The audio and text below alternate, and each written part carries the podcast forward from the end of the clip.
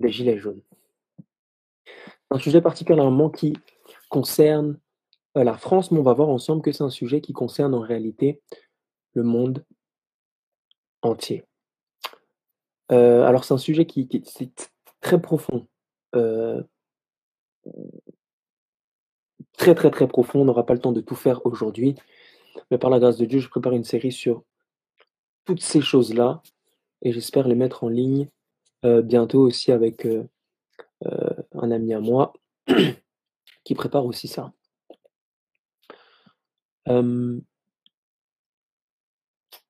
lorsque je regardais les journaux, pour ceux qui sont en France, vous savez qu'en ce moment, il y a ce qu'on appelle le mouvement des gilets jaunes. Le mouvement des gilets jaunes, c'est quoi? C'est des gens qui viennent, qui protestent en France concernant, certaines injustices qu'il y a eu en France. Et la goutte qui a fait déborder le, vase d'eau, comme disaient les Français, c'était la taxe par rapport à l'essence. Pour vous donner quelques chiffres pour ceux et celles qui ne sont pas au courant, aujourd'hui, d'après le journal de l'Est éclair, je vais donner plusieurs articles, il y a eu 412 interpellations, 133 blessés à cause de ces manifestations et de ces rassemblements. Et, et j'aime bien comment l'Est éclair décrit la situation à Paris. Elle dit que les Gilets jaunes en chiffrent après une journée de chaos à Paris. Parlons de la manifestation qu'il y a eu hier, soir. Pour ceux et celles d'ailleurs qui sont dans Paris même, dans la ville, vous allez voir que ils sont toujours en train de nettoyer. C'était vous dire à quel point c'était le, le chaos total. Mais retenez bien ça, l'Est éclair décrit la situation comme étant chaotique à Paris. Pour ceux et celles qui suivent les infos par rapport aux gilets jaunes. Les gilets jaunes, ne, la manifestation, tout ce qui est grève, manifestation, contestation ne concerne pas simplement la France en tant que telle, ou Paris plutôt en tant que telle, mais c'est venu même jusqu'en Outre-mer. On a un article par exemple de France Info qui dit que le mouvement des gilets jaunes à La Réunion est à sa deuxième semaine de blocage. On a aussi des, des, des, points de blocage aussi aux Antilles et en Guyane, donc Guadeloupe, Martinique, etc., etc.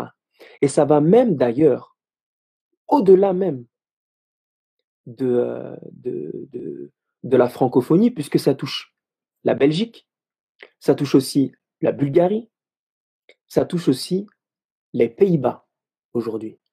Donc vous pouvez voir tout ça sur, sur, sur Internet, notamment un article qui a été sorti de la part du LCI, qui dit après la Belgique et la Bulgarie, les, pays, les Pays-Bas pardon, aussi ont leur gilet jaune.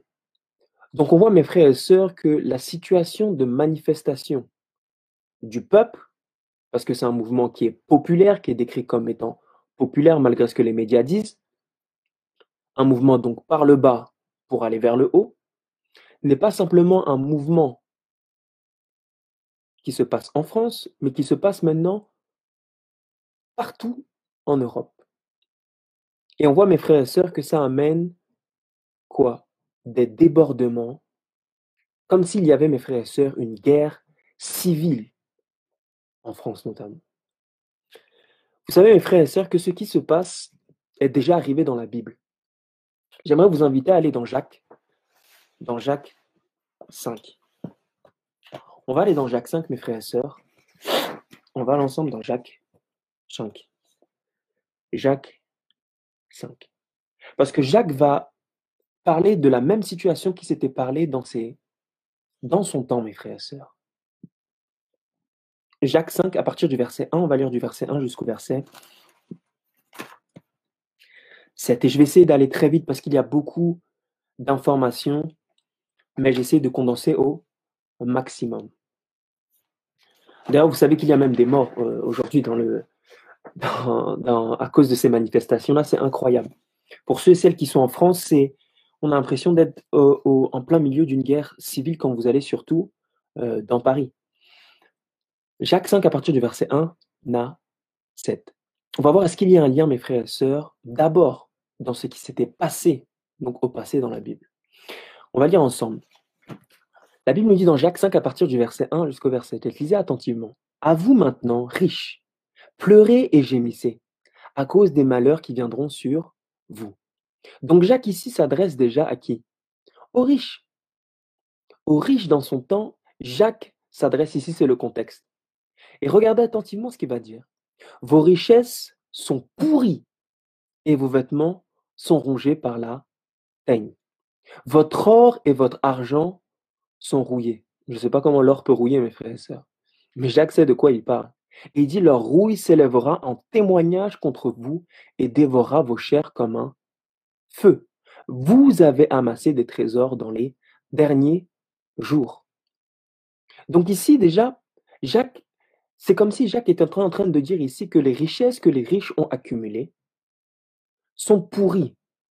Vous savez, pour ceux et celles qui, il y a une expression populaire qui disent euh, l'argent sale. Donc ça, ça ne suffit pas seulement de gagner de l'argent, mais votre argent peut être aussi sali dans le sens où cet argent a été acquis d'une manière illégale ou au détriment d'autres classes. Par exemple, les classes pauvres ou les classes moyennes. Et ici, Jacques, pour contextualiser ou pour plutôt adapter ça euh, aux jours euh, dans, lesquels, dans lesquels nous vivons, on pourrait dire que Jacques est en train de dire que c'est comme si leurs richesses vont se retourner contre eux. Et le verset 4 dit exactement ça. Il dit, voici le salaire des ouvriers qui ont moissonné dans vos champs et dont vous les avez frustrés. Cris et les cris des moissonneurs sont parvenus jusqu'aux oreilles du Seigneur des armées. Mes frères et sœurs, c'est très très très intéressant. Ici, on est en train de dire, mes frères et sœurs, que les moissonneurs, ceux qui ont moissonné pour les riches, au bout d'un moment, ont eu une frustration et qu'ils ont crié, crié, à un tel point que ces cris, mes frères et sœurs, sont venus jusqu'aux oreilles de qui? De Dieu. Lorsqu'on parle d'ouvriers qui sont frustrés, mes frères et sœurs, ou de personnes qui crient face à l'injustice de la tête, on parle ici de quoi, mes frères et sœurs? De personnes qui, sans doute, déjà à cette époque-là, manifestaient contre l'injustice. Et c'est exactement ce qu'on voit aujourd'hui par rapport au mouvement des Gilets jaunes. Donc la Bible, mes frères et sœurs, avait déjà parlé de ça au passé. Maintenant, la question que je vous pose, mes frères et sœurs, c'est est-ce que dans le futur, ça va se répéter? Est-ce qu'il va y avoir des hommes et des femmes, des ouvriers qui ont moissonné pour les riches, qui vont maintenant devenir frustrés et qui vont crier à un tel point que ça va parvenir même jusqu'aux oreilles de qui? De Dieu. D'ailleurs, dans Jacques, euh, dans Jacques 5, si vous lisez le verset 7, la Bible nous dit Soyez donc patients, frères, jusqu'à l'avènement du Seigneur Jésus-Christ. Donc Jacques renvoie maintenant à la fin des temps, parlant de cette situation, mettant les deux situations en parallèle. Il renvoie maintenant à la fin des temps. Il parle au passé, maintenant il renvoie à la fin des temps, renvoyant même jusqu'à l'avènement du Seigneur Jésus-Christ, et il dit, soyez patients. On va voir ensemble, mes frères et sœurs, que la Bible ne parle pas simplement des gilets jaunes au passé, mais parle aussi des gilets jaunes au futur. C'est-à-dire que ce qui est arrivé en termes de manifestation et de guerre civile va se répéter juste avant que Jésus-Christ arrive. On va essayer de démontrer ça bibliquement par la grâce de, euh, par la grâce de Dieu. Je vais faire quelque chose de différent ici. Pour ceux et ceux qui me connaissent, vous savez que je ne cite jamais les citations d'Hélène White sans citer la Bible d'abord. Jamais. Je préfère d'abord citer la Bible, ensuite citer Hélène White. Pas que Hélène White est moindre ou quoi que ce soit, ou que la Bible c'est pas ça. C'est juste qu'il faut voir d'abord bibliquement et ensuite confirmer avec les écrits d'Ellen White. Pour ceux et celles qui croient aux écrits d'Ellen White. Pour ceux et celles qui ne connaissent pas Ellen White, je vous invite à lire tout simplement ces écrits et on va en voir quelques-uns et vous allez voir de vous-même. Je vais faire maintenant l'opération inverse. Je vais citer ces écrits et je vais prouver bibliquement et ensuite je vais citer des faits historiques et vous allez voir à quel point tout ce qui se passe aujourd'hui a été avancée dès les années 1800 par Ellen White et prévue déjà par la Bible. Dans Témoignage le volume 9, Témoignage le volume 9, je vais vous mettre ici les citations. Hop. Vous n'avez pas cette citation-là en français malheureusement parce qu'on n'a pas tous les témoignages. En français, hasard ou pas hasard. Elle commence la, la citation de cette manière-là dans Témoignage le volume 9, la page 11, oui, paragraphe 1. Elle commence en disant Nous vivons dans la fin des temps. Donc le contexte de la citation, c'est la fin des temps, donc juste avant que Jésus-Christ arrive. Elle dit Les signes des temps qui s'accomplissent rapidement déclarent que la venue de Jésus-Christ est proche. Mes frères et sœurs, si vous ne comprenez pas que Jésus-Christ est vraiment à la porte, comme la Bible dit, mes frères et sœurs, il faut, vous réveiller tout de suite. Tout ce qui se passe aujourd'hui témoigne que Jésus-Christ arrive. Elle dit les jours dans lesquels nous vivons sont solennels et importants.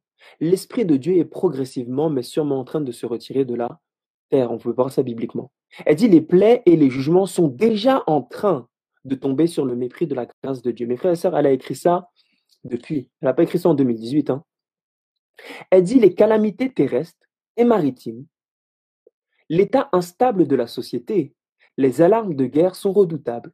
Il prévoit des événements imminents de la plus grande ampleur. On va voir si c'est vrai bibliquement. Elle dit les agences du mal combinent leurs forces et se consolident. Ils se renforcent pour la dernière grande crise. De grands changements vont bientôt se produire dans notre monde et les derniers mouvements seront rapides. Maintenant, écoutez attentivement le paragraphe 2, la fin du paragraphe 2 que je vous ai mis aussi en commentaire. Elle dit la situation dans le monde montre que les temps troublés nous arrivent. Les quotidiens sont pleins d'indications d'un conflit terrible dans un avenir proche ou un proche avenir. Les vols qualifiés sont fréquents. Bref, quand elle dit les vols, elle parle pas des vols. Euh, elle parle pas des vols. Euh, euh, vous savez, avec les avions, elle parle des vols, c'est-à-dire le verbe voler dans le sens. en anglais, c'est rob someone, donc voler dans le sens prendre ses affaires à son insu. Elle dit les vols qualifiés sont fréquents. On ne voit pas ça, mes frères et sœurs, aujourd'hui. Surtout en France. En France, c'est un pays qui est vraiment insécure à fond la caisse. Elle dit les grèves sont courantes. Les grèves sont courantes. Les vols et les meurtres sont commis de toutes parts. Les hommes possédés de démons prennent la vie d'hommes, de femmes et de petits-enfants. Les hommes sont tombés sur le charme du vice et chaque espèce du mal l'emporte. Mes frères et sœurs, nous ne vivons pas dans ces temps-ci. Hélène White avait déjà dit que lorsque Jésus-Christ allait revenir, l'un des signes de la fin des temps, vous savez, ça, allait être quoi? Ça allait être le fait qu'il allait y avoir de plus en plus de meurtres, de plus en plus de vols, de plus en plus de meurtres d'enfants et de femmes. C'est exactement ce qu'on voit. Mais elle nous dit les grèves seront fréquentes. Donc le mot grève ici, c'est le mot strike en anglais, qui veut dire manifestation. Donc lorsqu'on voit des manifestations, comme on voit chez les Gilets jaunes, lorsqu'on voit des manifestations dans le monde entier, mais particulièrement en France, on a le droit de manifester. Quand les manifestations sont fréquentes et intenses, qu'est-ce que ça veut dire, mes frères et sœurs? Que Jésus-Christ arrive. Qu'on nous vivons dans la fin des temps, mes frères et sœurs. Maintenant, est-ce que la Bible avait prévu ça? Je vais vous donner une autre citation d'Hélène White dans, euh, dans manuscrit 5. Vous ne l'avez pas, je vous la donne. Je vous l'ai mis en commentaire. Beaucoup de choses à dire sur cette citation, mais je n'ai pas le temps de creuser parce que ça serait trop long. Elle dit en Inde, en Chine, en Russie et dans les villes d'Amérique. Vous pouvez faire toute une étude sur ce qu'elle vient de dire là au début. Elle dit des milliers d'hommes et des femmes meurent de faim. Mes frères et sœurs, c'est pas ce que l'on voit aujourd'hui. Si vous regardez les statistiques, vous allez voir qu'il n'y a jamais eu autant de famines dans le monde. Elle dit les hommes payés, parce qu'ils ont le pouvoir, contrôlent le marché. C'est exactement ce que l'on voit aujourd'hui. Ils achètent à prix bas tout ce qu'ils peuvent obtenir, puis vendent à des prix considérablement plus élevés. C'est exactement ce que l'on voit. Cela signifie la famine pour les classes les plus pauvres. Elle nous dit, ça entraînera une guerre civile. Donc si on essaie d'analyser d'abord cette citation avant de rentrer dans la Bible, qu'est-ce qui entraînera, mes frères et sœurs, une guerre civile?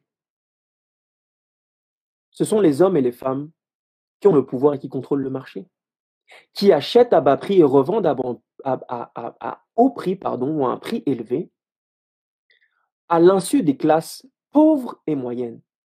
De ce fait-là, il en résulte quoi? La famine dans le monde des classes les plus pauvres. Et ces trois événements-là combinés, mes frères et sœurs, entraîneront quoi? Une guerre civile. Une guerre civile. Et pour ceux et celles qui se, posent la question, mais est-ce que peut-être Hélène White parlait d'une guerre civile qui avait lieu à son époque? Vous savez qu'elle a écrit ce euh, manuscrit-là en 1899. C'est marqué dans la citation. Donc elle parle de la guerre civile qui a été faite en Amérique.